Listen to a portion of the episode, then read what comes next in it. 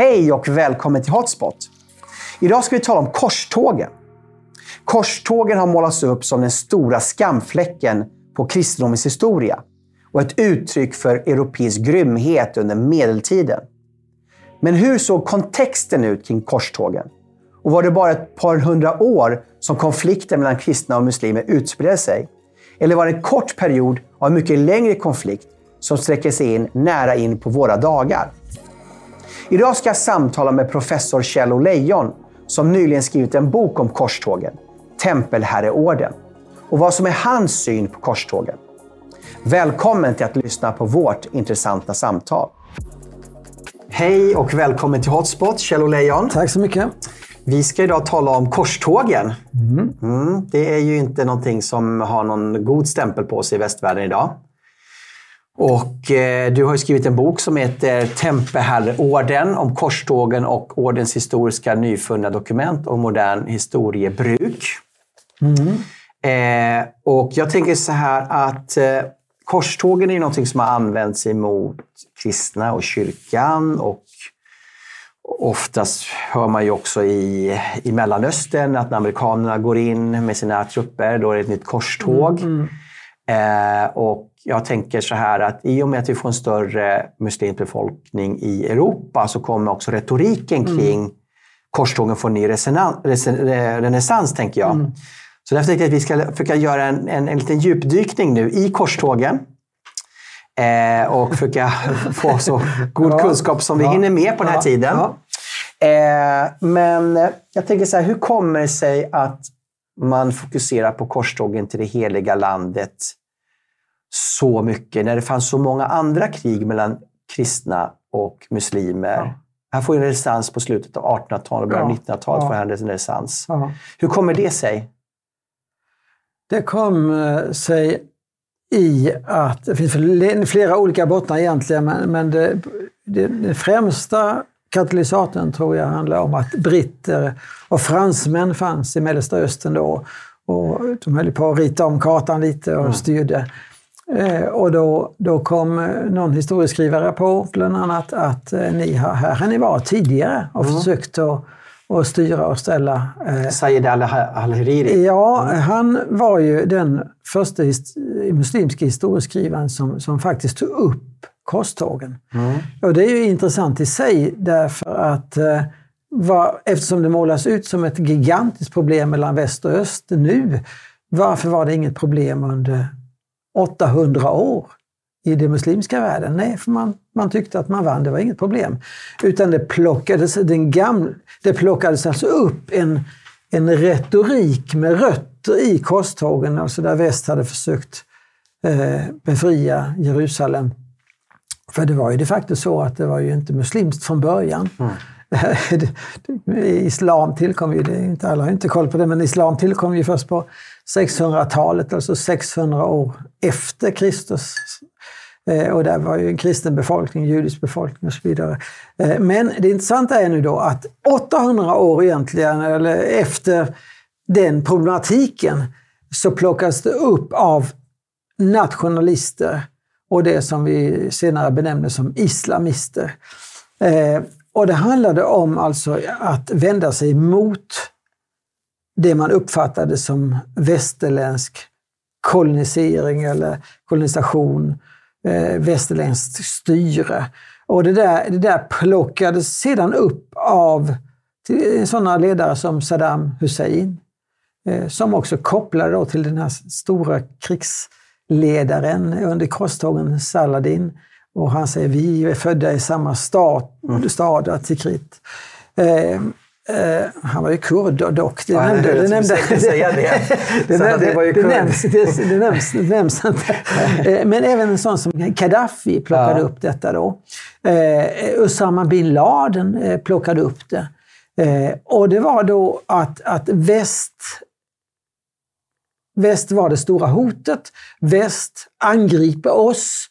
Eh, och så klär man det i, i religiösa termer, alltså att väst och nu då, inte minst i form av USA, är den store Satan.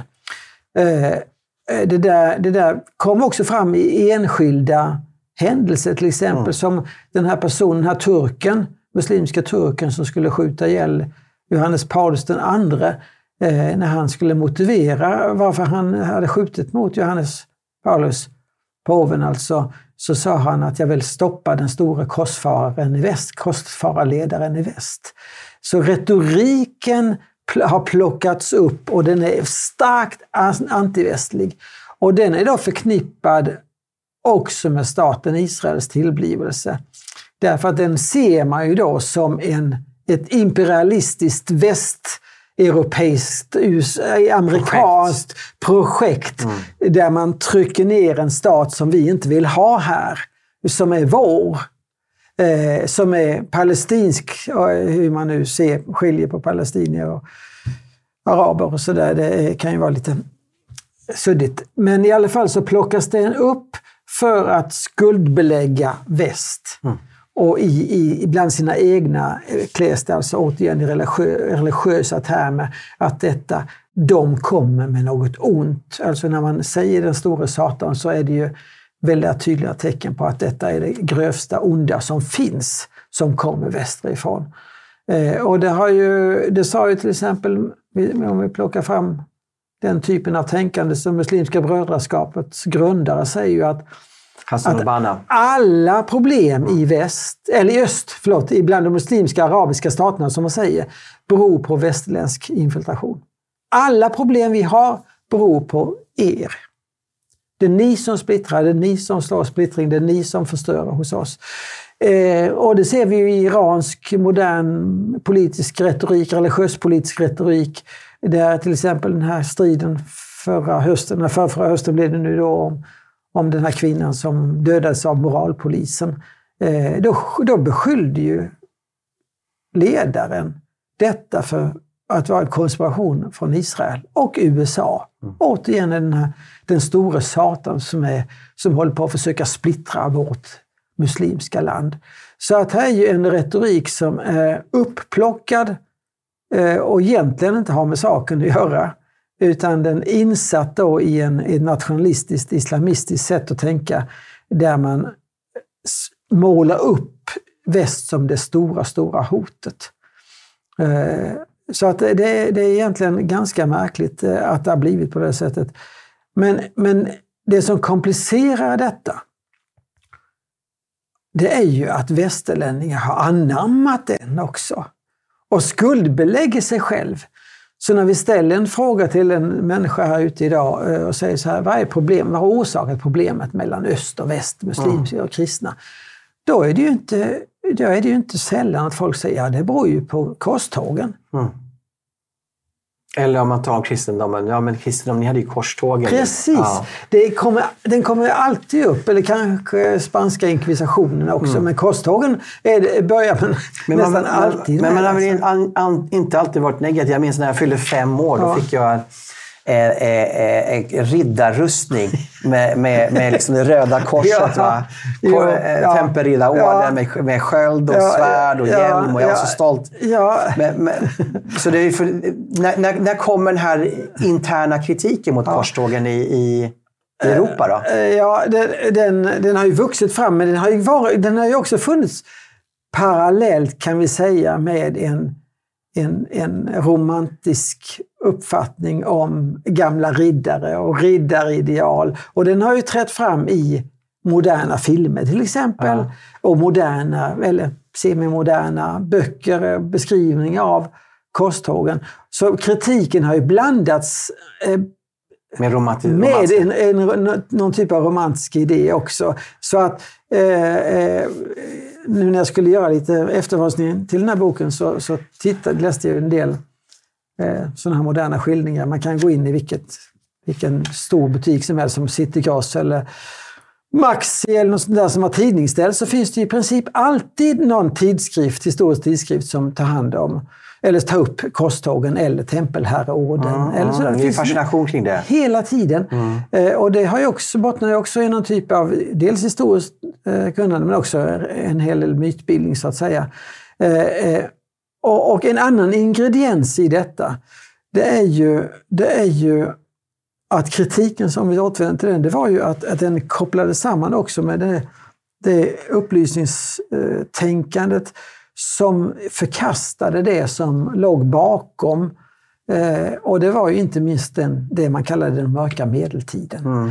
Det var då vi gjorde en massa misstag och vi tar avstånd från allt det mm. som la en grogrund till det man gjorde då. Det var en form av kyrkokritik och de ja. menade att korståget, titta vad det gjorde. Precis. Och, och sen växte då romantiken fram något senare, men de gick ju hand i hand då. Ja. Så får vi de här ja. eh, motsatta bilderna egentligen, där den ena eh, lyfter fram den den ärorika korsriddaren. Som Walter Scott i Ja, till exempel. Tasmanen. Precis. Ja. Och som då eh, är stridsdugliga. Den, den, alltså den, den, eh, verkligen den historiska hjälten. Ja. Blandat med då ett fenomen om att de, det de egentligen gjorde var ju fel. Ja. Och så målar man också upp den här, det blandas också med orientalism, där det är lite fascinerande. Är fascinerande ja. av dem, där, de som man ja. angrep. Och så målar man upp dem, till ja. exempel då Saladin som nämndes som en ödmjuk, eh, upplyst eh, krigsherre. När vi vet att han i själva verket, till exempel efter slaget 1189, lät halshöga alla som tillhörde tempelherreorden utom en. Då. Mm. Men, men vi har ju Ridley Scotts film Kingdom of Heaven, ja. där, där liksom också så är exotifieringen av Saladin som ja. ädel. Och, ja. eh... och det var en av, en av startpunkterna till varför den här boken blev till. Ja. Det var så att jag var gästprofessor i USA och fick eh, frågan om jag ville undervisa om, om religion och film, mm. en serie då. Och då sa jag ja till det. Och så tittade vi bland annat på Ridley Scott, för den var omåttligt populär vid den tiden. Eh, och så sedan fanns det då en CD, det var ju så när man använde då, en CD-disk på sidan om filmen där han beskrev hur, allt, hur han gick tillväga. Och då beskriver, säger han ju då också att han, allt detta bygger på historisk, eh, korrekt historisk fakta. Liksom. Och sen tittade jag och började läsa om detta så upptäckte jag att det gör det ju inte alls. Nej. Det finns ju flera sakfel. Till exempel eh, så slutar filmen att man gick, fick gå fri från från Jerusalem efter Saladin hade, hade intagit, intagit Jerusalem. Ja. Och det, var inte, det är ju inte sant. Nej, de fick ju köpa sig fria. Ja, om de inte, ville, om de inte kunde betala, sig, betala för sig så såldes man ju som slavar ja. till exempel. Det finns, jag tror de tog 12 000 slavar när de gick in i Jerusalem. Mm. Sedan, eh, sedan så finns det ett antal andra saker. Till exempel en, en som var utklädd till riddare, så att säga, påklädd i en riddardräkt eh, som var en riktig buse som aldrig tillhörde tempelherreorden. Så att han blandar faction, mm. eller fiction och facts på mm. ett sätt som gör att, att det blir förvillande. Och, och man tror då att, att vi är den stora skurken ytterst mm. till varför vi har fientligheten mellan öst och väst idag. Så det är vi som har har, bär skuldbördan egentligen. Mm. Och detta har förstärkts politiskt och genom eh, romaner, genom filmer.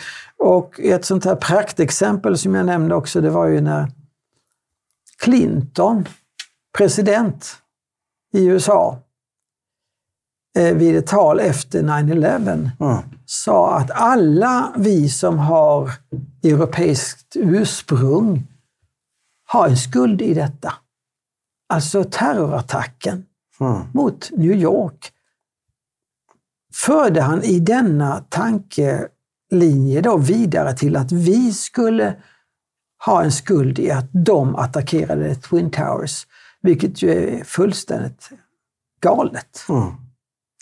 Men det här är väl också en som förstärks nu är, är ju kanske det som också sker på 50, 60, 70-talet. Det här konflikten nord-syd. Oh. Kolonial, kolonierna frigör sig.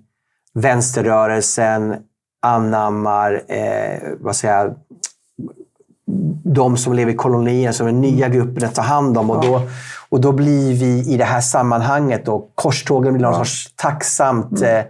Mål att attackera. Det här är vår historia, vi går in i de här områdena så attackerar vi dem. Mm. Jo, visst, eh, man har ju, det har man ju då i historieskrivningen målat ut det här som ett problem därför att vi är de nya kolonisatörerna.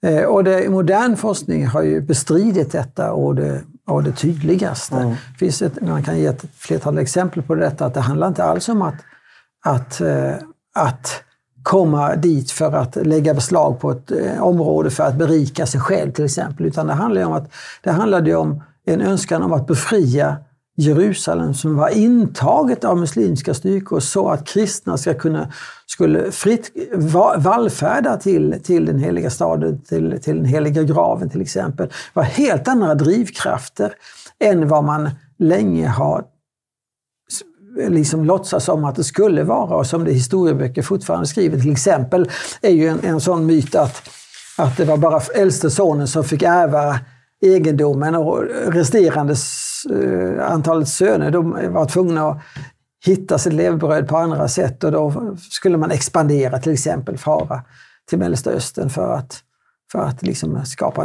nya länder där eller nya områden där som man kunde leva och utnyttja så att säga. Eh, eh, ja, den där retoriken som jag sa, eh, den lever ju kvar. Och det intressanta är nu, nu är vi precis mitt i ett krig mellan Israel och Gaza. Och huvudvägen i Gaza heter Saladinvägen. Så den är också namngiven efter den muslimska krigsherre som besegrade Jerusalem. Mm.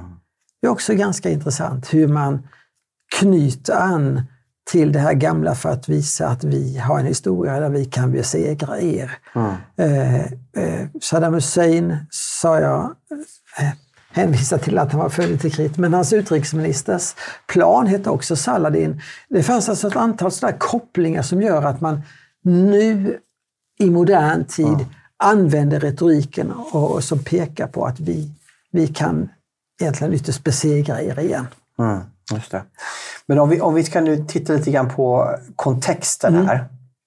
Eh, så, så erövrar man ju då under 450 år ungefär två tredjedelar av de kristna områdena. Vi tänker mm. kristna områden, tänker vi Europa, väl som ja. idag. Men, men, men, så var ju inte på den tiden, Nej. utan stora delar av Arabien, Nordafrika, ja. eh, det man kallar för Levanten, alltså Syrien, Irak, Anatolien, mm. Turkiet. Allt det här var ju kristna ja. områden.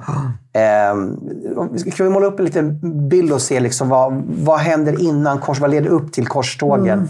Alltså, redan under Muhammeds ledning så... Det, han deltog i 19 krigståg själv enligt den eh, arabiska eller muslimska traditionen, då, historieskrivningen. Och redan under hans tid började man ju besegra grupper och landområden i det vi kallar Saudiarabien idag. Sedan kom det då ett antal dynastier. Eh, fyra rättfärdiga kaliferna, 632, han dog 1632, 1632 till 1661. Sen kom olika eh, kalifat, eh, eller olika ledargrupperingar, muslimska ledargrupperingar som expanderade efterhand. Mm. Eh, Ahmad-kalifatet då som också kom till till Cordoba och Spanien till exempel. Abbasidierna. Och sedan finns det då eh, andra som tog över och så ledde det så småningom till det stora Omanska riket som vi har sett nu då. Och som, som vi väl antar att den turkiske ledaren idag Erdogan gärna skulle vilja se återupprättat mm, ungefär. Mm. Men, men det var alltså under, redan under Muhammeds tid i Medina till exempel lät han ju avrätta, halshugga 700 vuxna judar mm. eh, som satte ett mönster. Eh, och här är en problematik då, eh, som be behöver lyftas i dagens sekulära samhälle där man ofta ser religionerna som jämbördiga. Eller som en grundläggande etik, man ska vara god mot varandra mm. och snäll och sådär. Eh, men här, redan här i Muhammeds sätt att leva är det så totalt kontrasterat mot Jesu budskap. Eh, det är helt, helt motsatta eh, förebilder. En pacifist, en krigare som är oerhört obarmhärtig krigare egentligen och sätter den regeln. Det finns ju också verser i Koranen som påtagligt talar om att man kan ha rätt att eh, besegra och förslava de otrogna om de inte Men är inte det här då som sig, liksom ligger också då i kritiken till korstågen? Att om islam legitimerar erövringskrig mm. i Allahs namn, ja. jihad, ja. eh, så gör ju inte Jesus det. Så Nej. varför kunde kyrkan då välsigna ett krig där man återerövrar de här områdena? Det, det, är, väl liksom, det är väl där Ja. lite kritikens kärna ligger. Ja, och i kristna sammanhang. Ja, Ja, i kristna visst, sammanhang. Ja, visst, och jag har varit själv i de debatterna där, där man då från mer kristet pacifistiskt håll menar att, att eh, allt detta bör förkastas överhuvudtaget. Och då måste man ställa sig frågan, hur, hur kunde man tänka när man hade då Alltså att islam har en förebild om, om våldsutövning, att det är okej, det är en sak då. Men, men vad jag ville säga där innan också, det är att man också i, i kristna sammanhang har talat om Abrahams barn, i undervisningssammanhang pratar om Abrahams barn och mer eller mindre jämställer religionerna, så gör man ju gör man ju, eh, en, skapar man ju en bild av religionerna, återigen, som ungefär jämställda när det Den gäller till exempel- religionerna, Ja, judendom, etik. kristendom och islam, de är likadana. Ja, ja, Ja. Visst, så att vi egentligen är vi syskon, för vi härstammar alla från Abraham. Ja. Och därför så är vi, är, borde vi egentligen, är vi gans, ganska lite, och så glömmer man Och har samma moralsystem. hela- Ja, precis. Ja. Så har man ju komplett olika system när det gäller eh, viss lära och viss, viss moral. Ja. Så att eh, det, är- det är ju en sån här basal sak som vi måste Mm. förklara. Att det är en väldig skillnad på Jesus som förebild och Muhammed som förebild. Men då har vi det här med att Jesus var pacifist. Och det var ju inget problem för de kristna, för de var ju pacifister. Man var förföljd under 300 år, de första 300 åren. Sedan när man växte till i, i styrka, eh, det vill säga antalet kristna, och så småningom fick en första kristen kejsaren, Konstantin, eh, och blir tillsatt på maktpositioner, till exempel också inom romerska armén. Hur skulle man, hur skulle man hantera den här situationen?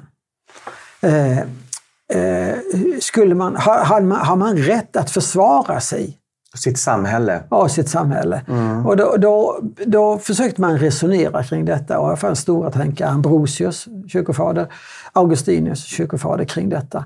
Och då fastställde man det, principer för bruk av våld som stat till exempel. Eh, att det måste föreligga vissa, vissa saker för att man överhuvudtaget ska kunna ta till våld.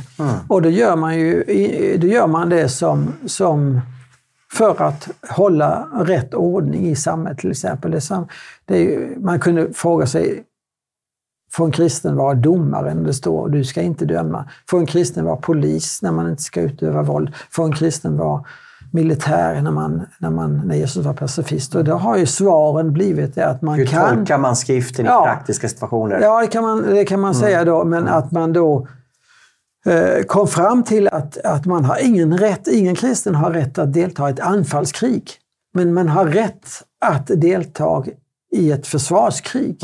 Man kan, det, finns, det finns tillfällen då man har rätt att ta till våld för att försvara andra medborgare, till exempel gamla, sjuka eller ett land eller en rättsordning. Eh, man har rätt att eh, att med gott samvete, även om det innebär ett bruk av våld, eh, stoppa ett större våld.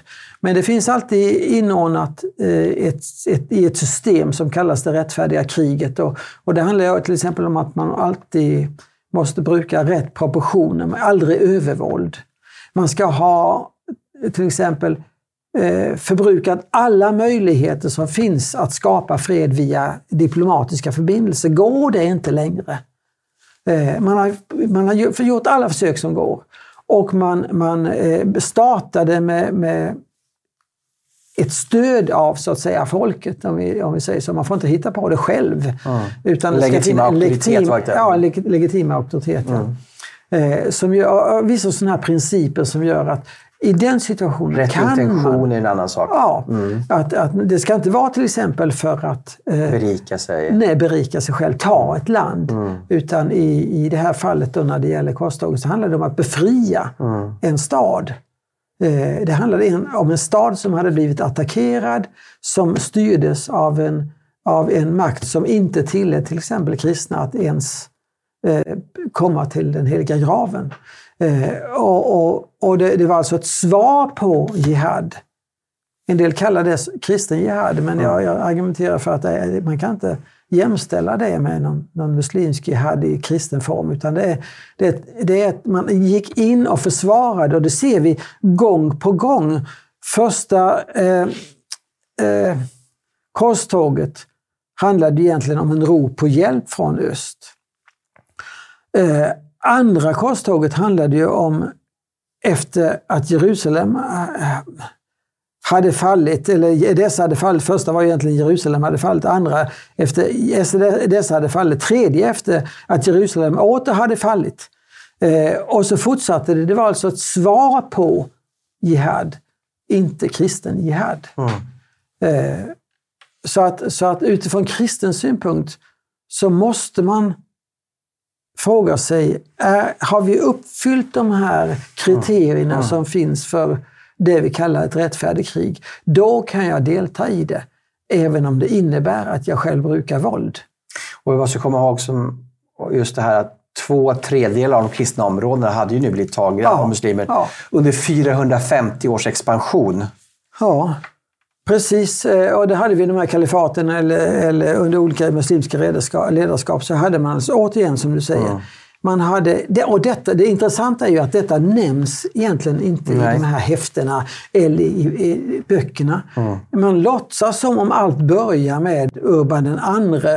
Eh, påven alltså eh, fick för sig ungefär 1095 att nu måste vi expandera mm. österut. Mm var ju inte det det handlade om alls. Mm. Det handlade om ett rop på hjälp ja. från öster efter 450 års expansion, muslimsk mm. expansion mm. genom det man kallar jihad. Och det var man ju inte enbart i den östra regionen utan som du säger, det var Nordafrika och man hade ju gett sig upp in i Spanien. Mm. Och Spanien var, var ju under, under ett, en ganska lång period eh, styrt av Cordoba-kalifatet till mm. exempel. Mm. Och man gav sig in i Frankrike också? Man var uppe i Frankrike och, och det som slag, kallas slaget i Poitiers eller slaget i Torup ja. är, ju, är ju 732 när mm. Karl Martell stoppade dem. Och det mm. var ju strax efter kommit ytterligare krig, eller slag där han definitivt satte stopp för det hela. Eh, och sen vet vi då att hans barnbarn är Karl den store och Karl den store är ju den som så småningom försöker skapa det här en, det gamla romarriket och bygga upp Västeuropa igen. Som eh, bygger egentligen eh, mycket på, han var ju frank och bygger på det som vi idag kallar Frankrike och men expanderade så att Europa blev ju någon typ av eh, det gamla den delen av Europa. Karl, eh, Karls rike blev någon typ av modernt romarrike. Mm. Eller, eller något gammalt EU. Ja, ja, det, ja precis. gammalt EU. Ja, precis. Så att, så att, eh, och så sedan kom, eh, det var ju ett, ett antal, det tog ganska lång tid innan de spanska återerövringarna mm. av områdena eh, slog igenom. Det, de, de följde efterhand så att säga. Grenada föll eh, så sent som 1492. Mm. Det är ganska långt fram i tiden, men då hade ju Cordoba eh, kalifatet eh, fallit. Alltså nästan 700 år av 400. Reconquista. Ja, ja. Eh, så det var 400 år tidigare Cordoba föll, men sen mm. Granada mm. höll ju fast ganska långt. Så de fann lång tid alltså framåt. Så de, det fanns ju en, en erövringstanke att ge sig på Europa. Mm. Och det intressanta, som nästan aldrig nämns heller, mm. det är ju att man fortsatte efter korstågen. Så att eh, när man väl hade eh, intagit Konstantinopel mm. så fortsätter man ju det som Det är därför det är Baltikum idag är delat mellan muslimer och kristna. Balkan. Ja, Balkan, ja förlåt. Vad sa jag för någonting? Baltikum. ja, ja, så långt jag har inte kommit. Nej, men, Balkan ja. Och, eh, eh, men så, så eh, fortsatte man ju upp mot Wien. 1529 mm. belägrade man Wien. 1683 mm. belägrade man Wien. Mm. Så att det har ju fortsatt efterhand. Mm. Eh, eh, och det nämns ju aldrig egentligen i de här korstågsböckerna heller. Jag, jag, tänker på att alltså, det är 1050 år från 1632 ja. fram till 1683 ja, är ju ja. en konstant expansion av det muslimska riket. Ett millennium. Men, men, jag tänker så att om, om man liksom titta lite grann på kontexten här nu, hur européerna känner sig i den här tiden. Du har ju då eh, muslimerna som går över eh, Gibraltar 711. och stoppas 732 som du nämnde då av Karl Martell utanför Poitiers. Eh, sen har det ju kort därefter så börjar vikingarna härja. Ja. Eh, 793 kommer de till Lindisfarne Ja. och, och börjar härja längs franska ja, kusten. kusten.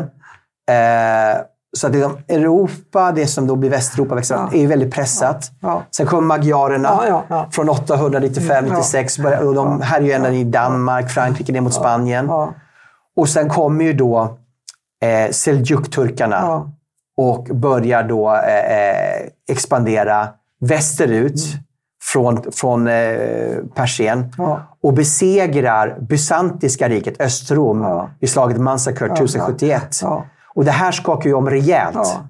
Så att man, har ju, man har ju sett under väldigt lång tid hur man bara pressas tillbaka och pressas tillbaka och pressas tillbaka. Ja, ja. nej, men det, är ju, det är ju, visar ju att hotet inte bara kom från öst. Det är inte så enkelt. Nej. Men, men eh, det stora hotet, man tänker på att, att Konstantin de facto flyttade hela romarrikets centrum egentligen till Konstantinopel, dagens Istanbul, så var ju det, representerar ju det egentligen en, en, en kristen Alltså det, det är ju en kristen bas. Tidigare hade det också funnits, då, det fanns ju fem olika baser kan vi säga, då, patriarkat som vi kallar det inom, i kyrkan. Då. Det, är ju, det fanns ju Alexandria, det hade fallit. Antiochia, det hade fallit. Eh, Jerusalem hade fallit. Nu föll också då Konstantinopel som var kejsarens och patriarkens stora fäste. fanns det bara ett, ett Rom kvar då.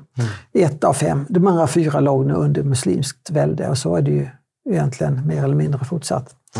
Eh, så att eh, eh, det skakade ju om. Samtidigt så hade vi sett en splittring mellan öst och väst 1054. Där Den man stora hade- schismen. Den stora schismen, ja. Så de hade, man hade i öst och väst, väst delvis vuxit ifrån varandra. Dels var det språkliga skillnader, dels var det kulturella skillnader, det politiska skillnader eh, och så sen också teologiska skillnader då, som gjorde att man hade delats 1054. Så vi kan säga så här att för att kejsaren i öster, Alexis Comenius, Comenius då skulle be om hjälp Mm. i väst visar ju hur oerhört utsatt han var. För det här, man går ju inte till sin Konkurrent. så- konkurrent Nej. och, och eh, som man har haft dispyter med så mycket och som fick så, så drastiska liksom, eh, eh, ja, konsekvenser som i den här delningen mellan öst och väst. Man gör ju inte det om man inte är i desperat behov av hjälp. Eh, Så det är ju ett tecken på, på att man verkligen ville hjälpa i väst. Sen, sen hade man ju olika strategier. Men Om vi tar vikingar till exempel så eh, Ka- Karls son Ludvig den fromme Eh, eh, när han tog över så var det ju bland annat han som, som låg bakom missionen norr om.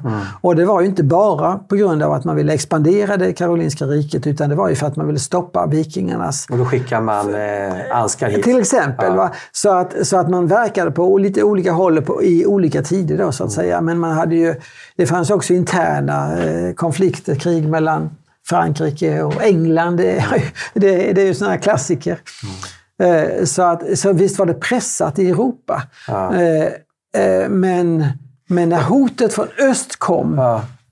eh, om man i väst beskrev för folket Mm. hur det gick till i öst.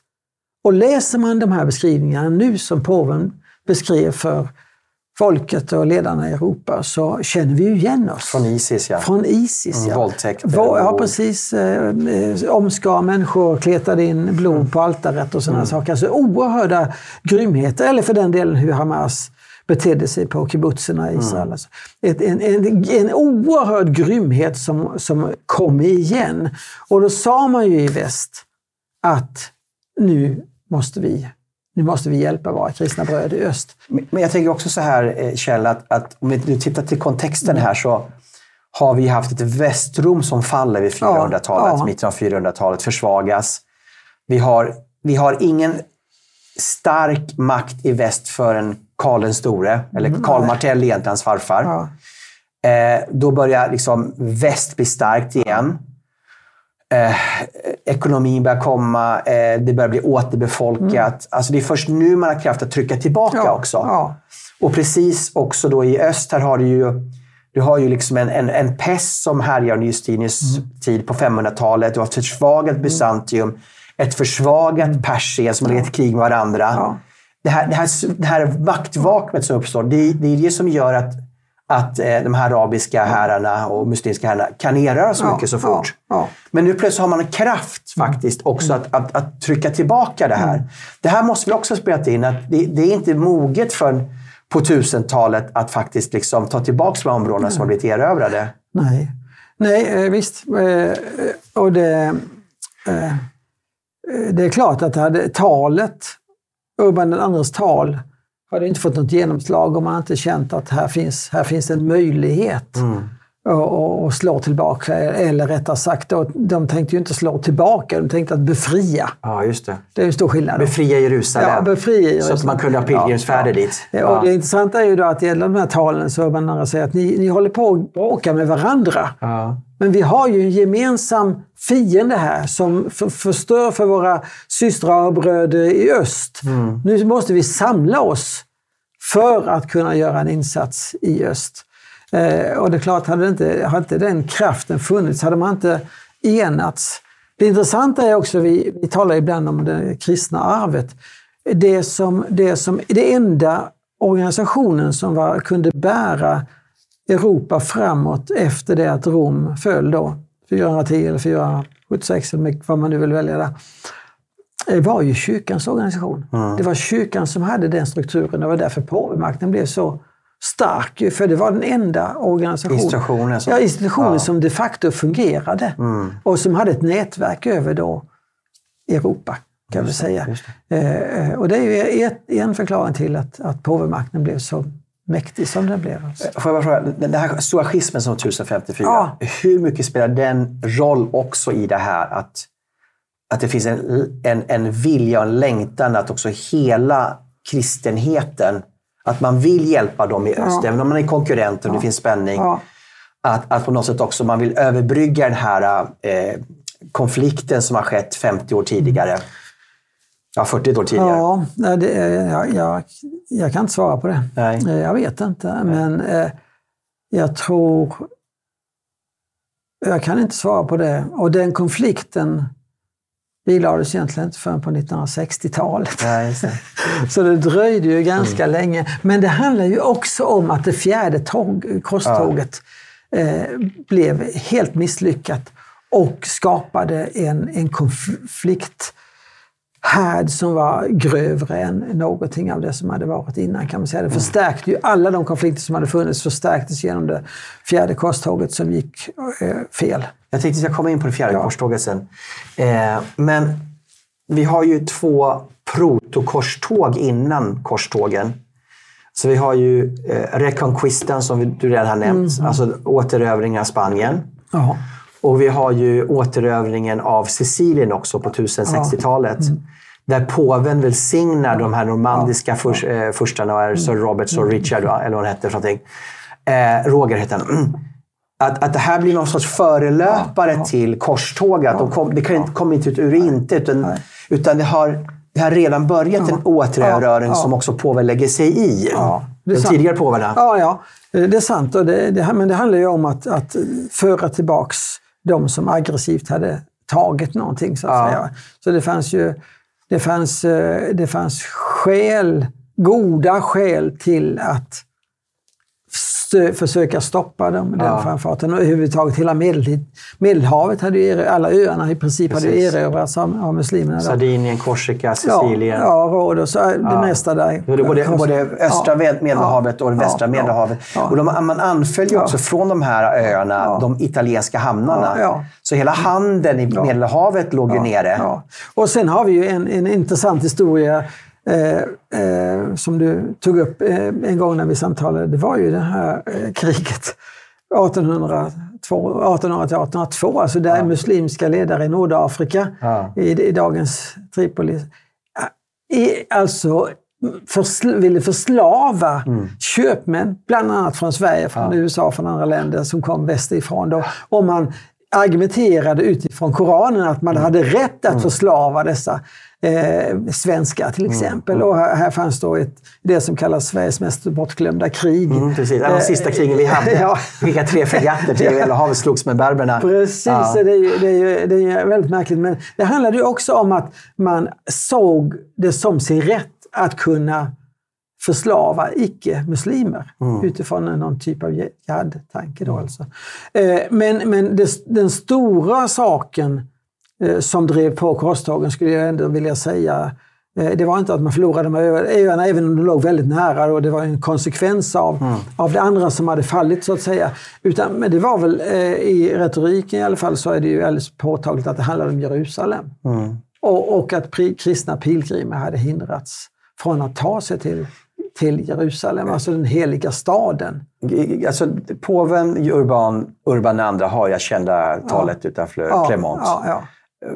Vad säger han? Du är inne på det. Jerusalem, vad är det mer han säger? Det som sätter igång hela korståget. Nej, men det, det handlar ju om att man ska, att man ska upp, alltså, återerövra, alltså öppna Jerusalem för pilgrimer.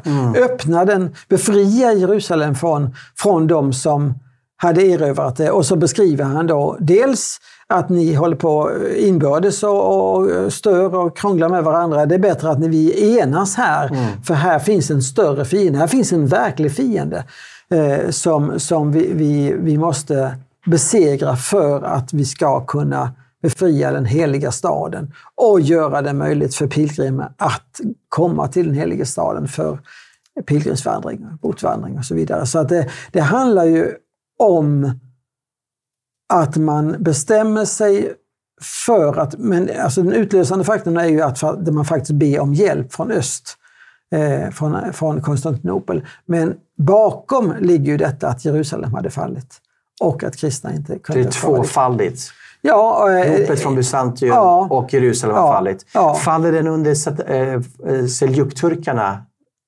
då samtidigt?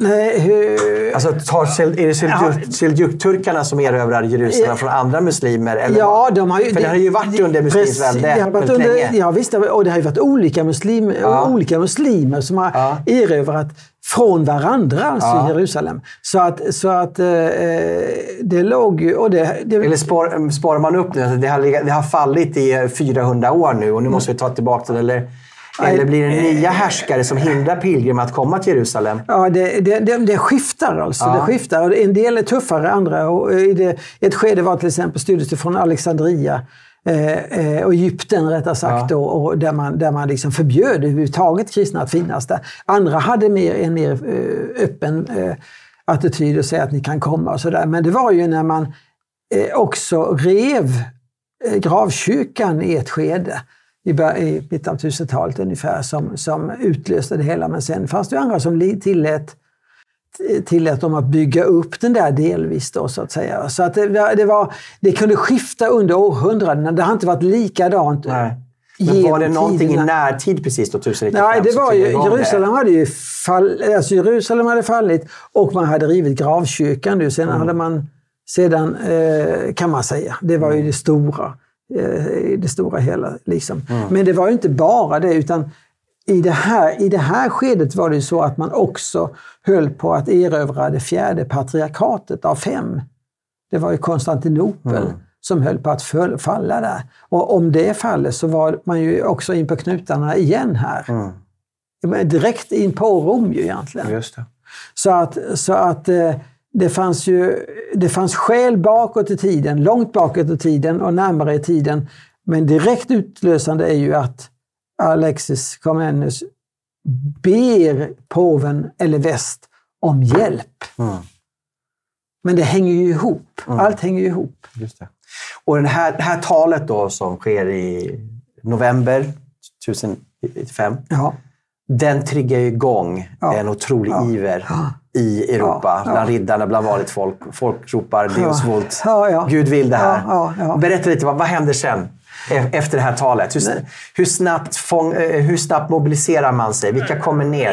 Ja, det, är ju, det tar ju eh, ett par, tre år kan man säga. 1099 beru- be, be, alltså, eh, befrias, befrias Jerusalem. Ja. Mm. Men, men det är ju vad man brukar då säga, det är ju att det är, det är lite svårt att veta exakt hur många som, som involverades. Men man vet ju att det var långt ifrån bara några riddare. Det var ju folkligt förankrat och mm. Petrus, eh, Peter eller Petrus eremiten eh, for runt och predikade och, och, och folk upplever ju att detta mm. är, detta mm. är viktigt. Liksom här korsfäst Kristus dagligen mm. eh, av, av hedningar så att säga. Eh, eller, eller Urban II for också runt som den mäktigaste av alla klärker då och befrämjade detta. Så det skapades en enorm man talar om en väckelse egentligen mm. i, i Europa som bottnade i att nu måste vi befria eh, det som var vår frälsares eh, plats där han levde, undervisade, korsfästes och uppstod. Eh, så det var ju en massiv folklig rörelse. Det var därför också som tempelherrarna kunde växa sig så starka, därför att det fanns ett stöd mm. för detta bland, bland folket. Och både ledare och eh, adel så att säga, kungamakt, men också ett, ett folkligt stöd för det hela. Sen vet man ju inte hur många som... Och den är egentligen, siffrorna varierar från till exempel första korståget från 130 000 och andra säger 70 000, men det var ju inte, det var inte en liten här på 300 riddare, utan det var mängder med människor som... som det var inte två olika eh, mobiliseringar, alltså folkets korståg som kommer från väldigt mycket Tyskland nu, som ja, ja, Petrus ja, eremiten. Ja, mycket sämre organiserade, blir besegrade när de går över in i nuvarande Turkiet. Och sen det som sker framförallt i Frankrike av riddare som är mycket mer organiserade och som också sen eh, både intar Antiochia och Jerusalem. Och så talar man till om barnkorstågen. Ja. Kan du bara Nej, ja, kommentera det, de här? Ja, det, var, det kom ju lite olika skeden. Det ja. visade sig att de, i vissa fall så var man ju inte lämplig Nej. för att ta sig an den här uppgiften och det var ju långt bort. Mm. Eh, och man, man eh, hade kanske förlorat allt och så småningom förlorade man också livet. Mängder med folk omkom ju under resans gång i sjukdom. Eh, kanske inte, kanske inte alls så många i själva eh, de här olika militära slagen, men många dog ju där också. Mm. Men man misslyckades i det stora hela i det här folkliga vanliga. De var inte beredda för strid, så att säga. Eh, men däremot så tänkte man, några tänkte då i ett skede att kanske barn som är oskyldiga, kanske de kan genomföra detta, men det blev ju egentligen inget med det. Det fanns en liten grupp yngre tonåringar som man mm. tror, som inte kom, de kom en liten bit på väg men det blev aldrig något korståg. Mm. Och det var aldrig sanktionerat av påven eller sådär. Eh, några av dem såldes tydligen som slavar sen av söderöver. Eh, från Marseille, skickades ut från Marseille tydligen. Men hur som helst så, så eh, det som blev det som har skapat bilden av korstågen och den här riddaren som man gladeligen kan ta på sig eh, mm eh, dräkten för, det är ju att man, man såg en militär elitstyrka egentligen, eh, som var den bästa som fanns under den tiden. Eh, och det fanns ju tidiga slag till exempel där man besegrade muslimska arméer som var oerhört mycket mm. större till antalet eh, krigare mm. om man var lyckosam i den, mm. i den sättet. Och det var ju sättet man krigade, man får fram i, i skvadroner tätt. Mm. Och var, eh, de här var ju då elit, det var adel uppfostrade till kriga egentligen, elitsoldater. Bästa tänkbara utrustning eh, eh och bästa tänkbara eh, lojalitet och taktik. Det finns ju beskrivningar hur man då ställde upp helt under tystnad allt, ingen sa någonting. Alla visste exakt vad man skulle göra när man formerade sig. Sedan eh, i täta skvadroner då gjorde man spjutanfall rakt in i en armé och sen eh, omringade de då. Sen kom fotfolket efter det. Eh, så de, de blev ju eh, erkända som, som Eh, ja, som elitstyrkan. Eh, men sedan växte det då fram genom det här folkliga stödet och man skänkte gods och man skänkte mm, gårdar. Mm. Mm. Kungen av Aragonien skänkte hela sin king, eller, kungarike till, till tempelherrorden och två andra ordnar eh, och så vidare och så vidare. Som gjorde att man blev mäktig, mm. fick mycket pengar. Skapade den första bankväsendet i Europa kan vi säga. Kan vi komma in på... Ja. på eh, jag tycker vi ska komma in på tempelherrarna. Ja, okej. vi, vi ska, vi ska, Ja. Jag tycker vi ska faktiskt dra över, Ja, vilket gör. men vi, eh, Jag vill verkligen djupa dyk, dyk, jag, dyka djupt i det här. Jag kan Eh, ju inte allt det här förstår nej, du, nej. men, men i- i- tanken med boken är ju egentligen eh, att peka på ett väldigt his, skevt historiebruk. Mm. Där vi, där vi eh, till exempel skuldbelägger oss själva för någonting som vi inte alls behöver skuldbelägga oss för. Eh, också att peka på nya dokument om tempelherreorden Mm. har, har gjort att de faktiskt eh, kan befrias från den, den kätteristämpel stämpel, stämpel de fick en gång i tiden. Mm. Sen, sen eh, är jag ju egentligen en lekman på området, Mm. men jag var tvungen att sätta mig in i den här diskussionen och i den eh, eh, akademiska diskursen för att kunna skriva den här boken. Men, Mm. men jag är ju inte någon egentligen expert på, Nej, nej. på det hela. Men, men tänker, om, om vi tar nu första korståget. Ja. Eh, man formerar sig efter talet då 1095. Ja, Man går in då över, eh, över Bosporen. Eh, 1000, är det 99 eller 1098? 1099 så, så, eh, över, så vinner man Jerusalem. Ja. I, i det juli ja. Man, man går över och man besegrar de seljukiska Ja. eh, herrarna. Man intar Antiochia. ja, just det. Ja. Och sen så befriar man då Jerusalem Ja. och bildar då kungariket Jerusalem. Ja. Och efterhand så växer det ju fram eh, tre, kan vi säga, små stater vid sidan om då i Ja. Edessa och Tripoli eh, och Antiochia. Eh, men det, den, den, den, den mäktigaste, så att säga, mäktigaste ledaren ligger ju, sitter ju i Jerusalem som kung av Jerusalem.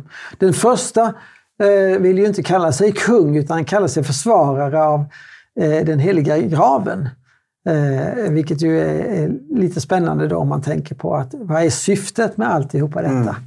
Det var inte att sätta sig på en maktposition där eh, bara för maktens egen skull, utan det var att vara just försvarare av den heliga graven. Att denna, denna ska vara en, en kristen helgedom.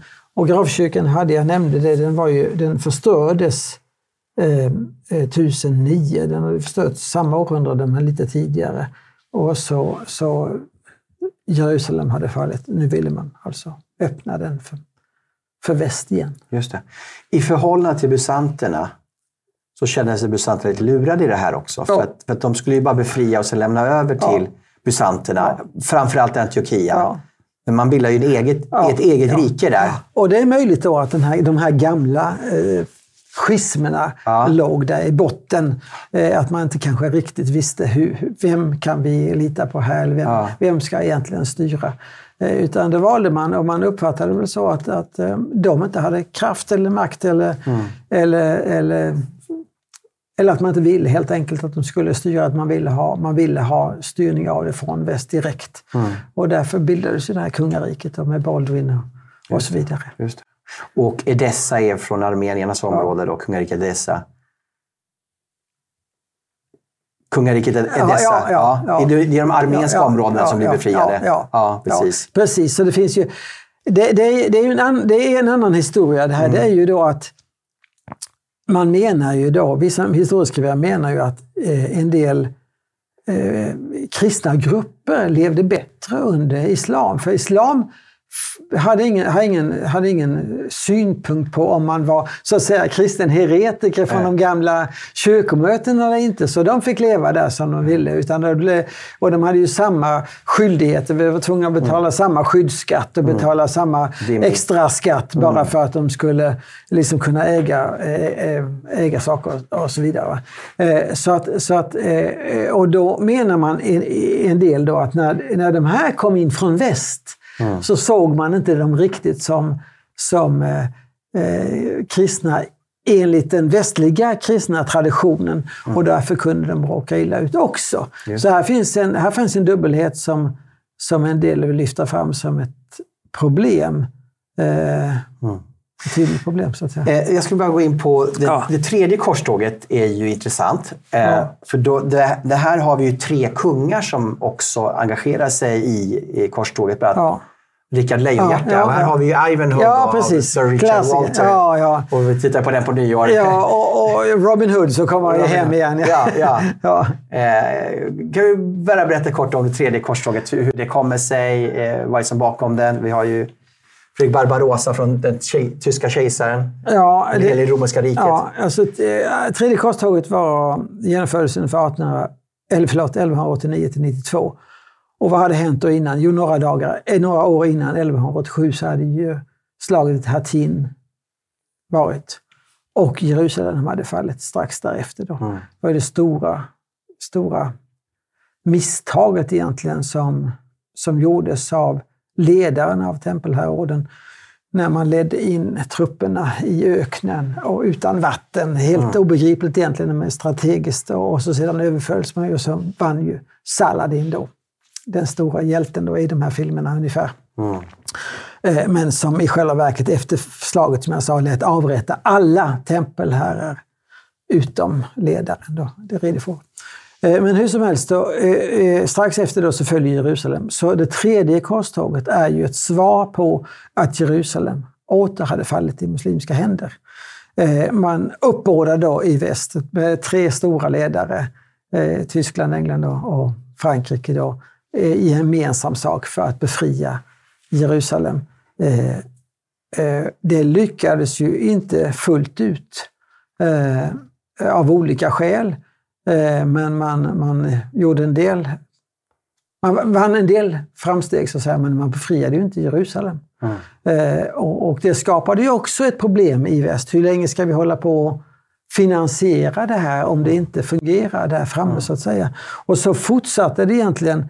Eh, så både fjärde, femte, sjätte och sjunde korståget fanns ju till och med nio, eh, fast det var inte mycket med de där sista egentligen. Det handlade ju om att man inte efter det tredje gick rakt mot Jerusalem utan försökte tänka sig att man skulle gå till Egypten och så sedan gå upp mot Det gör man ju från med det fjärde har man intentionen. att Precis. Egypten. Ja. Jag tänker så här att eh, nu är tiden ute. Vi sänder ju här på tv och radio. Så att eh, vi ska sluta här, tänker jag, eh, Kjell. Och så fortsätter vi. Ja. Mm, kommer komma in på tempelherreorden och eh, lite framtiden efter det. Eller framtiden, vad som händer efter, efter korståget tar slut. Så eh, jag tackar så mycket Kjell. Du kan vara kvar här så får vi fortsätta. Jag bara tacka framförallt tv-tittarna, radiolyssnarna.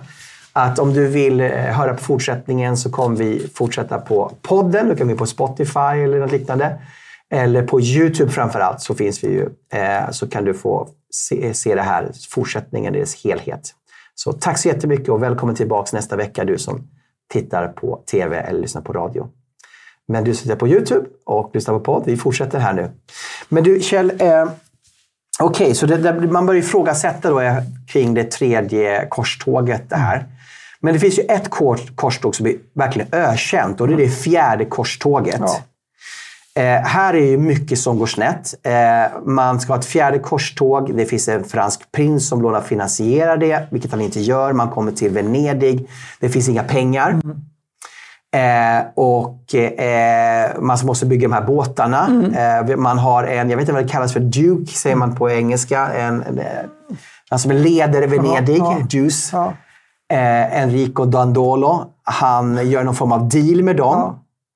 Eh, och skuldsätter dem. Och, och, och istället för då att åka till Egypten så åker han till Kroatien. Ja. Och intar en kristen Ja. stad och Ja. massakrerar människorna Ja. i Sandra.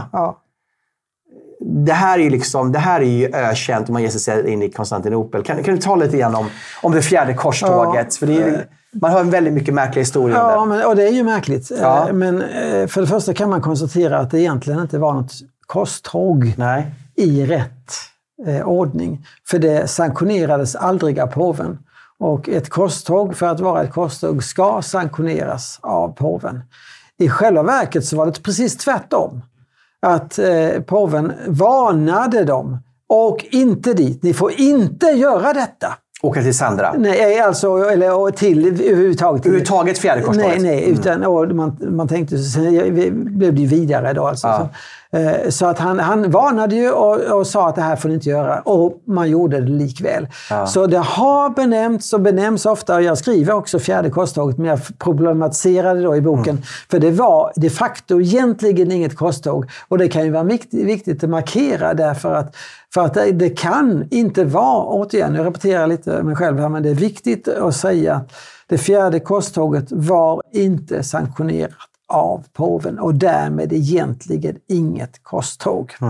Vad man gjorde, det var ju att man gick emot påven och eh, såg liksom vikten av egen vinning som viktigare. Alltså han riskerade ju att förlora pengar här istället då. De kunde inte betala fartygen. Ja, vad gör vi då? Ja, ni får, ni får ta, ta den här kroatiska staden. Så, så, så kan ni betala på det sättet. Ja, inte nog med det då. Man fortsätter då till Konstantinopel. Och där, Och, och, man ska tillägga att många lämnar ju det här så kallade kampanjen, Ja, ja. så kallade korståget, Ja, efter Sandra för att de blir så bedrövade. Ja, ja. Ja. Och, och sen dessutom då så är det intrigmakeri bland eh, ledare i Konstantinopel, vilket gör att man får vissa löften om man gör, kommer dit och, och stödjer en part, så att säga. Om man kommer dit och plundrar då, alltså bröder och systrar i Konstantinopel också. Där fanns ju då ett ledarskap. De hade Och, och slaktar ledarskap. människor också.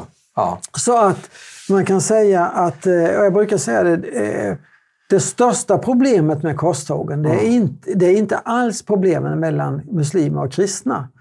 För det uppfattades ju åter inte igen som ett problem av muslimerna förrän man plockade upp en retorik 800 år senare. Va? Eh, utan det största problemet det var, ju, det var ju krisen som det verkligen blev mellan väst kristlighet och östkristlighet alltså. Den bysantinska och romerska kyrkan. Där de gamla konflikterna före 1054 som ledde fram till bannlysningen, ömsesidiga bannlysningen, förstärktes, inte minst i öst, genom den här självfallet liksom framvuxna misstänksamheten mot allt vad väst hette. Mm. Men eh, eh, det försvagade ju då förstås Konstantinopel väsentligt. Och man tillsatte ju latinska kejsare ja, i Konstantinopel ja, i ja. närmare 60 Ja, år. ja, Men påven exkommunicerade ju alla de här också. Ja, precis. Så det, var ju, Ja, det fanns ja. ju inget kyrkligt stöd Nej, överhuvudtaget. nej, nej. Eh, Och detta sägs ju aldrig, det skrivs ju aldrig i några av de här... Nej. Eller jag har inte stött på det i, i, många, i många skrifter, utan det oftast nämns det överhuvudtaget inte. Mm. Att detta inte var ett sånt här krigståg som var sanktionerat och därmed inte ska, egentligen ska kunna kallas ett korståg. Så att säga? Men sen, eh, det, detta var ju i början av eh, 1200-talet. Ja. Eh, men... Kan, kan man, eh, ska man bara tillägga, ja. man kan ju också säga att alltså, det var ju här också den venetianska yttersta ämbetsmannen Enrico Ja, Dandolo som ja. var ju mastermind bakom Ja, allt det här. För att han Ja. tillskansade ju sen, sen massor med avtal där man fick öar i Egiska Ja, havet, man fick portar i Peloponnesen. Ja. Jag vet inte om man fick Krim också då faktiskt. Eh, Det var alltså inte eh, ingen- religiöst motiverat. Nej. Det, går, det går alltså inte att motivera den, den utövningen av våld utifrån en princip som kallas rättfärdiga krig. Det finns ingen koppling till, ja, till detta. Och därför är det fel att skuldbelägga kyrkan för den, det som kallas det för fjärde korståget. Då. Eh, det, när jag skrev den här boken så kom det ju en, det var någon som bad mig skriva lite grann om det där. Och så fick jag ju då kritik och då kom ju inte minst den här tanken upp om det fjärde korståget, vilket jag då fick försöka beskriva att det var inte sanktionerat. Men du Kjell, nu ska du få prata Ja. om tempelherrarna som Ja. egentligen bok handlar om. Ja. Jag tänkte vi behövde liksom lägga lite grund kring Ja. korståg överhuvudtaget. Tempelher, det här var alltså munkar som också blev elitkrigar. Det låter som en ganska konstig kombination. Jo. Alltså, måste säga. Det är som Ja, det var- pastorer skulle bli ett jägarförband Ja, i Sverige. ja visst, och det var ju, det var ju Ja. så. Det var, det var kanske till och med så att de där munkarna var mer fromma än de flesta pastorer. Ja, så att, Men hur eh, kommer det var det så en här? Vad- vad- jättekonstig blandning. Ja. Eh, därför att de, de eh, hade ju under hela historien verkligen eh, svurit att inte bära vapen. Alltså det var ju verkligen det var en uppdelning av krigare och, och de som eh, bad Mm. eh, och de som eh, och bönderna så att säga, som verkade på ett annat sätt. Eh, eh, så att det var en märklig konstellation. Eh, och det byggde ju på en adelsman som eh, egentligen som, som upptäckte det här med att, att när väl Jerusalem var befriat efter första korståget så måste det försvaras. För det attackerades hela tiden av olika typer av förband. Mm.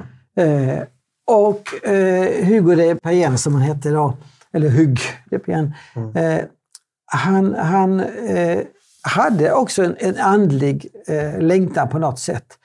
Eh, så han kom ett antal vänner till kungen i Jerusalem och sa att vi vill bilda en, en order som bygger på då kristna principer egentligen, och eh, munkprinciper där man avger löften om lydnad, eh, eh, kyskhet och fattigdom. Eh, men också ett fjärde, att vi ska försvara den heliga graven och pilgrim, eh, pilgrimsvägarna hit. Även fast man hade erövrat Jerusalem så var ju fortfarande ja. vägarna osäkra. Ja, vägarna var ju mycket... Mm. Det var hela tiden attacker. Hela mm. tiden attacker. Eh, eh, och eh, det gick man med på. Eh, och så sedan då ungefär, man, man är lite osäker på när, den, när detta själva verket skedde. Nu brukar man säga 1118, andra säger 1119 eller 1120 eller sådär.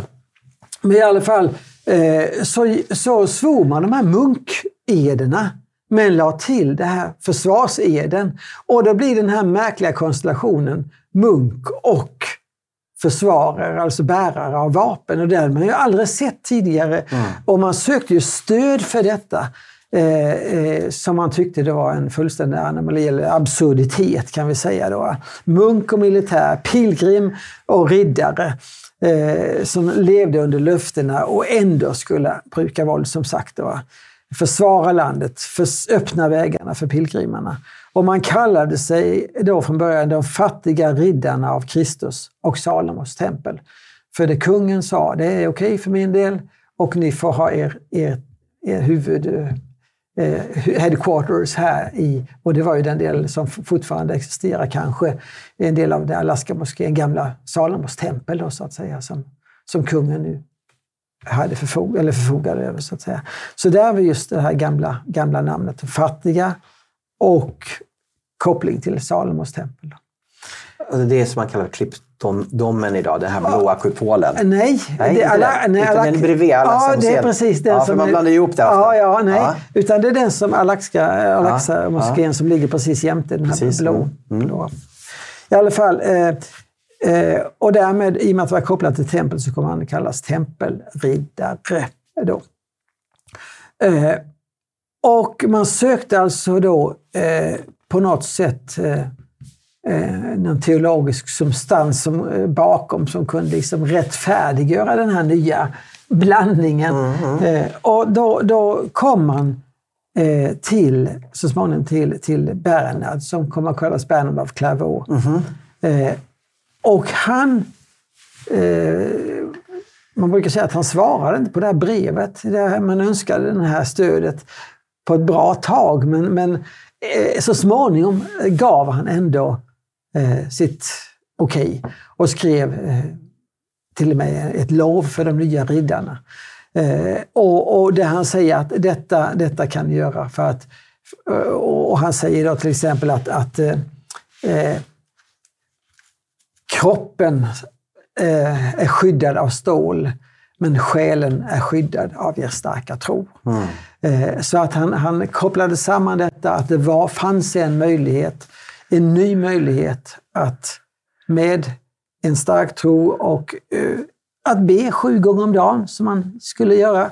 Att, att eh, be sina, alla sina Fader vår varje dag. Att, att ha ett rikt, rikt, rikt andligt liv samtidigt som man helt och hållet var inriktad på att försvara den heliga graven egentligen då, och de som ville till den heliga graven. Och så blev det. Man fick eh, eh den här latinska lagen var väl 1500, eller förlåt, eh, 1129 och sen eh, eh, tio år senare ungefär så sa påven att ja, ni står under mitt beskydd. Och i och med att man står under påvens beskydd så befriades de från från laglydnad så att säga gentemot världsliga ledare. Den som de skulle leda, lyda och den som skulle leda dem egentligen ytterst var påven och förstås stormästaren i den egna orden. Då. Men man blev en fristående, egentligen man kan säga den första fristående militära armén men bestående av munkar.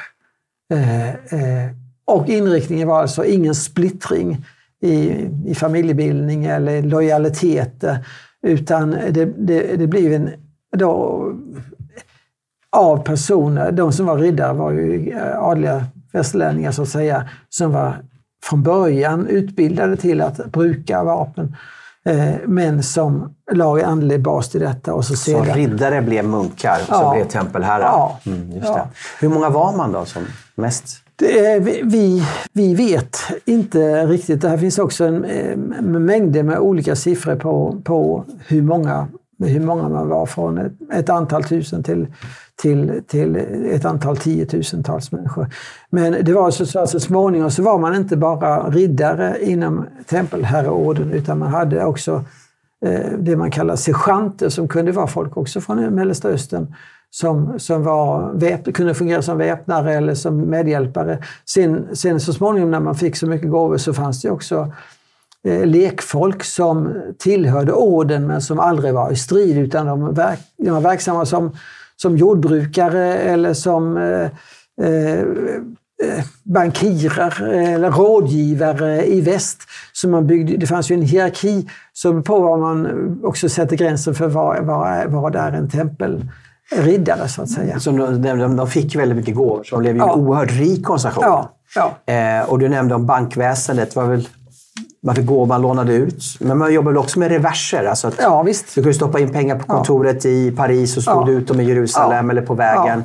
Så du bygger ju upp hela det här banksystemet. Ja. är ju en uppfinning bland tempelriddarna med reverser och så. Ja, precis.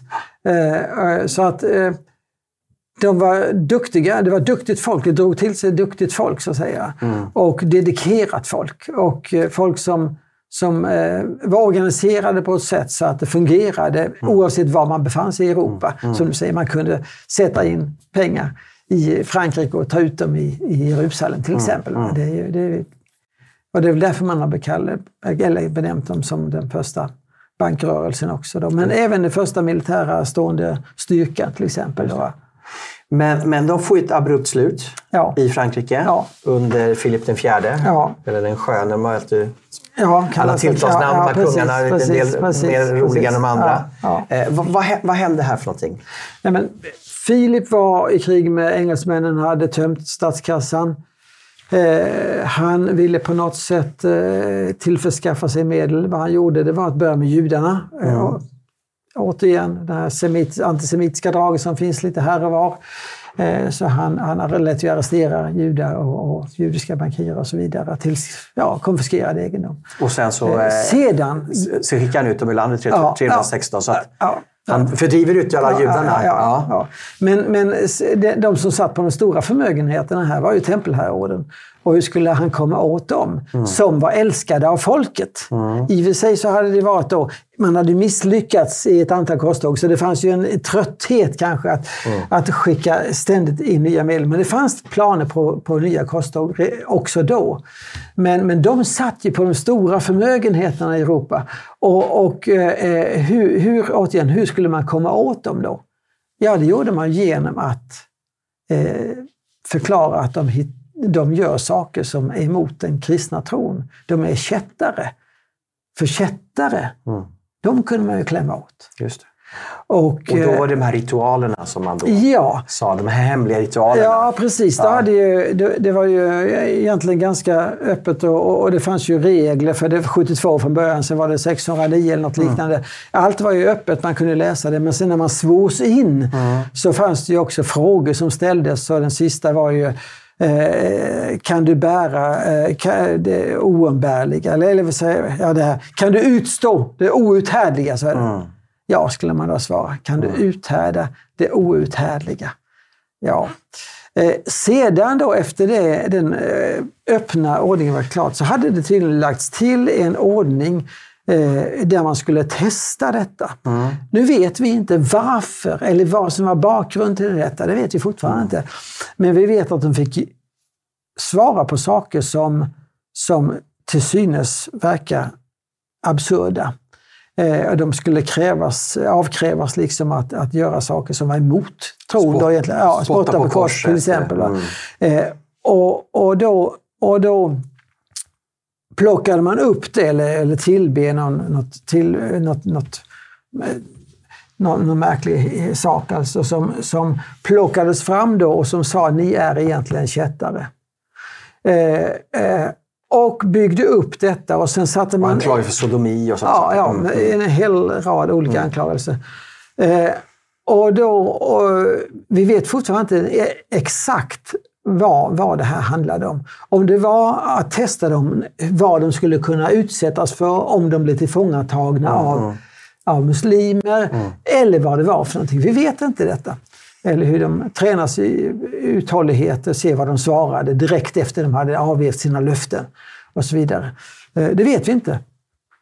Men vi vet att, eh, att Filip använde detta och satte in ett angrepp mot orden 1307, fredagen den 13. Och det är fortfarande därför vi har fredagen den 13 som olycksdag. Mm. Fredagen den 13, 1307, grep han ett antal tempelherrar i, i sitt rike, då, i Frankrike. Eh, I Portugal godkände inte kungen detta till exempel. På andra ställen så grep han inga heller, eller om man grep dem så torterade man inte mm. dem. Men vad, vad, vad Filip gjorde det var ju att eh, ta till exempel ledaren, det var då, eh, i Paris som var på besök från, från eh, Rhodos, eller var det Cypern, eh, hur som helst, eh, han kom dit tillfälligt och Jacques de Molay. Ja, Jacques de Molay, ja. Mm. Och eh, sedan började man då tortera de här. Eh, och ett antal dog. Eh, det finns siffror på det där. 36 dog under tortyr utan att mm. eh, sagt att de har gjort något fel. Fyra medgav överhuvudtaget aldrig att de, att, eh, att de hade gjort något som var fel. 136 medgav under tortyr att de, att de hade, mm. att de var heretiker. Då, så att säga, under tortyr. Sedan när de väl släppte så tog de tillbaks detta. Det mm. stämmer mm. inte. Eh, och och eh, det, här, det här blev ju konflikt med påven eftersom påven var ju den som skulle ha ytterst ansvaret för tempelherrarna, inte kungen av, av Frankrike. Och påven då efter ett antal påtryckningar fick genomföra förhör, till exempel var, runt julafton eh, 1307 med Jacques de Molay. Då, och han säger att det här, jag, det, här jag, det finns ett skäl till varför jag erkänt någonting. Det är att jag det var tortyr. Mm. Och sedan genomförde ju påven då undersökningar, både också av, genom, genom kardinaler då, i Chinonfängelset, eller slottet som jag nämnde här. Eh, och det är ju då att påven kommer fram till att nej, det, är, det här är... Han fick tydligen veta vad, vad är det egentligen ni har gjort? Mm. Vad gör ni där i de här hemliga rummen? Mm. Och då, då fastställer ju han efter detta att det är inte alls av den arten som det kan synas. Ni är in, det är inte grövre än, än att ni kan förlåta oss för, alla, eh, för det, ni, det är som gjort och ni kan därmed återinföras in i den romersk-katolska kyrkans gemenskap. Så att påven är ju egentligen kanske den enda som vet vad som, och de kardinaler som vet vad som egentligen låg bakom de här typerna av frågorna och, och, svaren som avkrävdes. Men vi vet också, vi har ju vittnes, de vittnesprotokollen kommer ju fram eh, där, där de försöker förklara sig att jag gjorde det här, mm. men aldrig mm. i hjärtat. Aldrig mm. i hjärtat.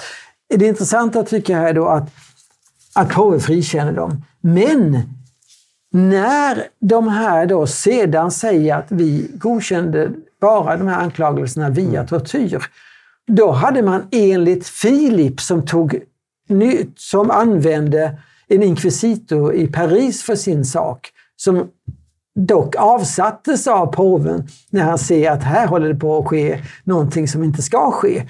Och då, då eh, när de tar tillbaks att de hade erkänt, Mm. då är man fri att avrättas. För då är det en återfallen kättare. Så han brukade, eller rättare sagt missbrukade, ett kyrkligt bruk. För egentligen, egentligen ska man inte avrättas, utan det är bara om man är återfallen så, har man, så kan den världsliga makten avrättas. Så han, han missbrukade egentligen systemet, gick emot Clemens V.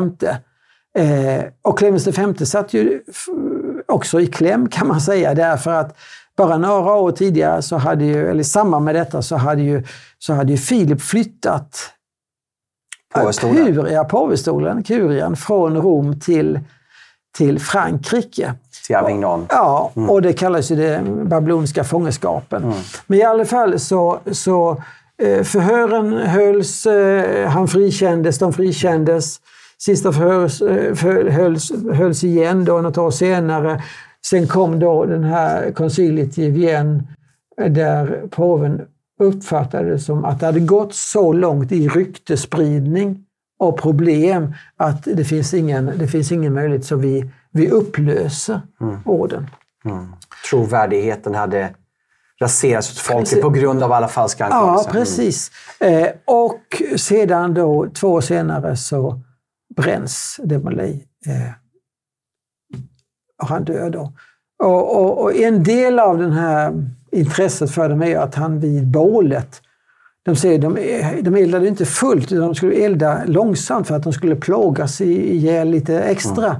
Eh, och lite, ja, lite längre då. Och då, då säger han ju då att ni, både Filip och Clemens, ni kommer inom ett år stå, få stå till svars inför Gud vad ni har gjort. Och sen dör ju Filip. Clemens först och sen Filip lite senare. Och det, då sätts igång eh, ett, ett snack liksom som gör att, ja, vad är detta? Mm. Dessutom hör det till saken då att flottan, tempelriddarnas flotta försvann i princip. Man tror att den får ner till, på, upp till, till Portugal och togs om hand där. Sen eh, sades det ju att de hade mycket skatter och det hade de förmodligen. De försvann ju. De har aldrig, återhitt, de har aldrig hittat dem där. Så det finns en rad olika historier kring, eh, och mytbildning också, eh, kring tempelherrorden som gör att, att där förutsägelserna, eh, den här roma, romantiska bilden av de gamla, eh, gamla tempelherrarna, de goda kämparna, liksom, samtidigt som skulle de vara blodtörstiga eh, ja, krigare under en mörk medeltid. Samtidigt då så, så har man ju kopplat ihop dem, att de flydde då till, upp till Skottland och överlevde delvis där. Man överlevde i Schweiz, man överlevde i Portugal och hade stöd för det, men gick in i andra ordrar. Och att eventuellt så har vi ju sett kanske vissa eh, dokumentärer där man försöker få dem till att ha kommit till, till Kanada och sådär. Så det finns ju en mytbildning. Sen finns det ju en annan tråd då, där till exempel eh, frimurarna försöker koppla sig till, till tempelherrorden då, som, som det inte finns ju egentligen några historiska belägg för. Ja. Du, eh, när vi tänker på korstågen Ja. så tänker vi på de här tre korstågen, fyra korstågen av då egentligen nio. Ja, Och sen tänker man att korstågen är slut. ja, Men egentligen är ju korstågen, kan man ju säga, det är ju både Reconquistan i Spanien, Ja. som pågår ända fram till 1492. Men det fortsätter ju massor med kampanjer, alltså både en muslimsk expansion Ja. och en motreaktion med, Ja. som, Ja. med som kallas för korståg. Eh, inte minst har vi slaget vid Lepanto Ja. 1571. ja. Eh, där man går ihop i vad man kallar för heliga ligan. Därför, att, därför att ottomanerna har tagit Rhodos och hela Medelhavet är då riskerat att man kan inte segla säkert. Nej. Och vi har ju också då den, som du nämnde, då, den ottomanska eh, expansionen ända upp till Wien, ända fram till 1683. Eh, vi har ju många vi i väst tänker inte på, men det är många slag i öst här och många hjältar. Vi har ju den kanske mest kända greve Dracula som slåss på 1400-talet. Vi har John Hunyadi, Stefan den store Moldavien, Skanderbeg. Det här är ju stora hjältar i Östeuropa. ja, ja. Där, där liksom den här kampen mot muslimerna är väldigt levande, som vi glömmer bort sen. Ja, Skulle du kunna kommentera lite grann det kring det som händer i Östeuropa sen och många kampanjer som nämns som korståg. Ja. Nej, jag, jag, jag, kan inte säga att jag är så uh, insatt i det, men det, en, en iakttagelse är ju att när man talar om de här sakerna ja. idag så, så upplever man ju att det finns ett mycket starkt gehör, en, en igenkännande av att det finns en stark problematik bland de man, kristna man träffar från Syrien, ja. Irak, eh, Eh, Iran också för den delen, i den muslimska världen. Alltså där, där, där, där det muslimska förtrycket så att säga har fortsatt i, i den här andan, jihad-andan. Eh, och dessutom så möter, möter man ju också då en tanke om, eh, inte, bland, inte bara bland dem, men också en tanke bland, bland andra i väst att, att den här tanken är ju inte död. Utan tanken, den, den fortsätter. Eh, till exempel, vi har ju den här jättestora flyktingvågen eh, 2015 och så vidare från Syrien och där till exempel Saudiarabien inte tar emot en enda flykting, alltså mm. av det man skulle kunna betrakta som sina syskon, va? sina mm. systrar och bröder. Inte, man tar inte emot någon. Men eh, vad jag läste en uppgift om var i alla fall att man lovade ekonomisk Eh, stöd att bygga moskéer för varje, ett antal hundratal som flyttade in i västeuropeiska samhällen. Alltså, och, och ibland talas det om att man att man, eh, man, man, man vinner inträde genom, genom att migrera och att genom att föda många barn. Eh, och de tankarna kan ju, kan ju vara intressant att föra upp. Det är ju det är inte helt enkelt för det är lätt att bli misstänkliggjord mm, som, mm. Som, som allmänt... Generellt blir man misstänkliggjord för att man är muslim. Precis, mm. precis. Men samtidigt så finns det intressanta inflöden i Sverige, till exempel via Muslimska brödraskapet. Eh, som har den här tanken mm. att man ska skapa ett kalifat under sharia-lagar. Mm. Och vi vet att underorganisationer under Muslimska brödraskapet finner vi inte bara Hamas, utan en, en, som en del terroristforskare i alla fall påstår så, så är eh, Islamiska förbundet i Sverige en, en gren av av det muslimska brödraskapet i Sverige för man bland annat kopplar till en europeisk organisation som är tillskapad av muslimska brödraskapet.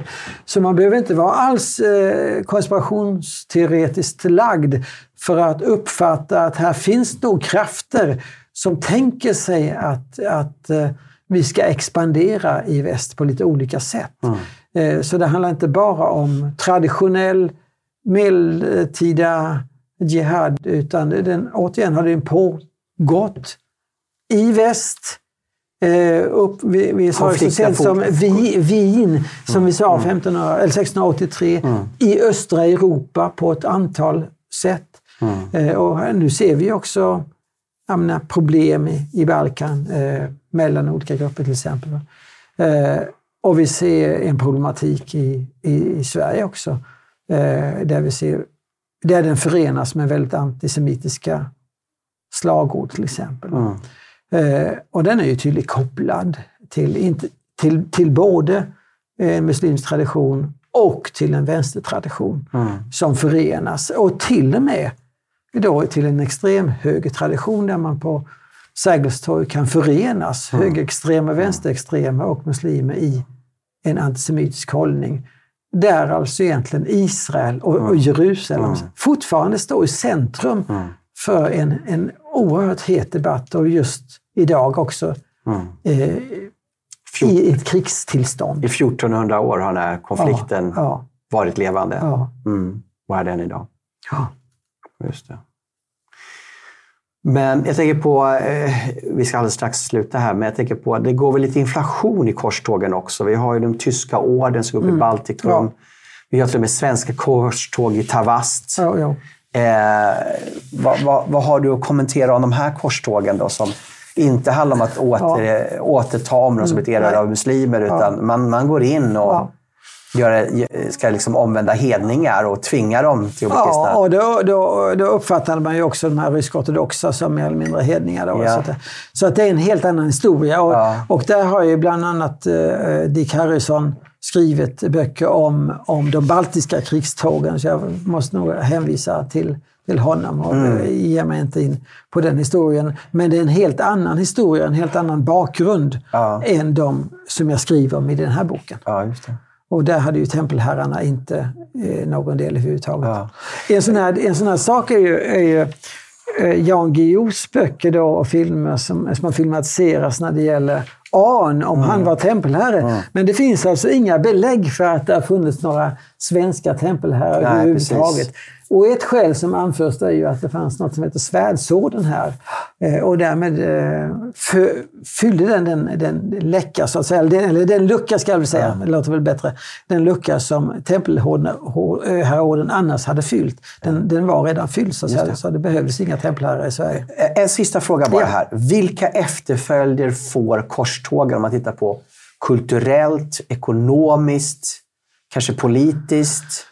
Eh, vi ser ju också liksom att vägen stängs eh, under en tid till också eh, Orienten, alltså mm. Indien, mm. Kina. Och liksom mm. det på något sätt också driver fram upptäckarnas mm. tid. Mm. Där portugiserna ja, åker runt ja, Afrika ja. för att väg, hitta en ny väg till, till Indien. och så kommer spanjorerna ja. likadant och upptäcker Amerika. Vi har liksom Venedig och de här då som växer sig till ekonomiskt och, och för att de kan göra handel med, med, med eh, med eh, Mellanöstern ja. och därmed kom också renässansen. Ja.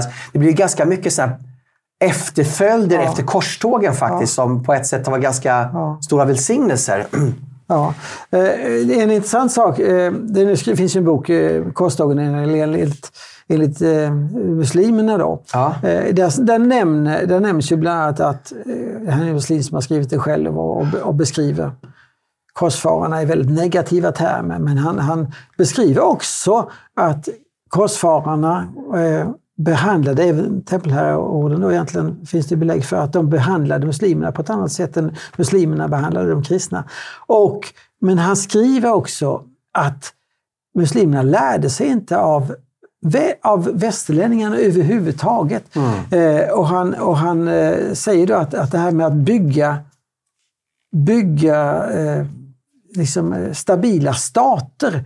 Det lärde de sig. De lyssnade inte. Västerlänningarna kunde lära sig arabiska för att kunna samtala med dem. De såg bara de här som fiender som de inte överhuvudtaget ville ha något att göra med. Och allt västerländskt blev någonting man skulle ha sig ja, borta från. För det var ja. liksom sammankopplat med ja. otrogna ja, precis, så att, kristna som kommer. Ja, så, att, så på så sätt så, så blev... Låser man sig mot väst på grund av det här? Ja, det, det, menar ju den författaren till exempel. Eh, och, eh, nu är jag inte så jag är inte så påläst på det heller, men man kan säga att det kom ju andra problem i väst också. Vi tänker på, vi pratar om, om 1300-talet här med Filip den sköne. Strax, inte många årtionden senare kom ju digerdöden. Mm. Alltså där vi slogs, en, en hälften eller en tredjedel av, mm. av befolkningen slogs ut. Man hade liksom andra bekymmer mm. att ta sig an. Sen växte det ju fram en pånyttfödelse där man hämtade arvet från Rom och grekerna, mm. inte minst grekerna på ett annat sätt. Och renässansen som, mm. som byggde på något helt annat intresse än det som fanns mm. österut. Då så att säga. Eh, och sen, sen kom ju den här stora, som du säger, eh, andan av att, att, att finna nytt. Eh, men eh, jag vet inte om den är kopplad direkt egentligen till, till någon konsekvens av Finns det några negativa konsekvenser? Utan finns en del liksom intressanta nya ja. öppningar. Ja. Och jag nämnde att liksom Mellanöstern sluter sig bort ja. från, från väst och tar inte till sig saker och ting. Men finns det några andra negativa konsekvenser för oss i väst efter korstågen? Det, det, det, är ju först senare, skulle jag vilja ja. påstå, då, som, är, som, det, som, det, som det kommer fram genom den nya moderna retoriken. Så alltså låg det ju ganska lugnt, förutom de här strids, om, direkta områdena som mm. involverades, som du nämnde, i, i öst. Då. En intressant sak som, som sällan betonas, det är ju att man idag ofta betonar att vi, vi är mycket av lära av araberna. Mm. Samtidigt finns det de som säger att mycket av det som araberna lärde ut hade de plockat upp från de kristna, bland annat det kristna, stora kristna lärdomscentret i Alexandria innan de erövrade Alexandria. Mm. Så att den, den, de hade visserligen traderat detta, men mycket av den kunskapen som vi säger att araberna hade kommer från kristen lärdom egentligen, och kunskap från de kristna centrarna som fanns innan de muslimska erövringarna. Det är något som eh, sällan mm. nämns mm. idag, som jag tycker är rätt intressant. Mm. Och din bok finns att köpa. Tempelherreorden. Så. Tack så jättemycket du som har lyssnat och eh, välkommen tillbaka nästa vecka. Så har vi nya ämnen, nya spännande ämnen och nya spännande gäster. Tack så mycket.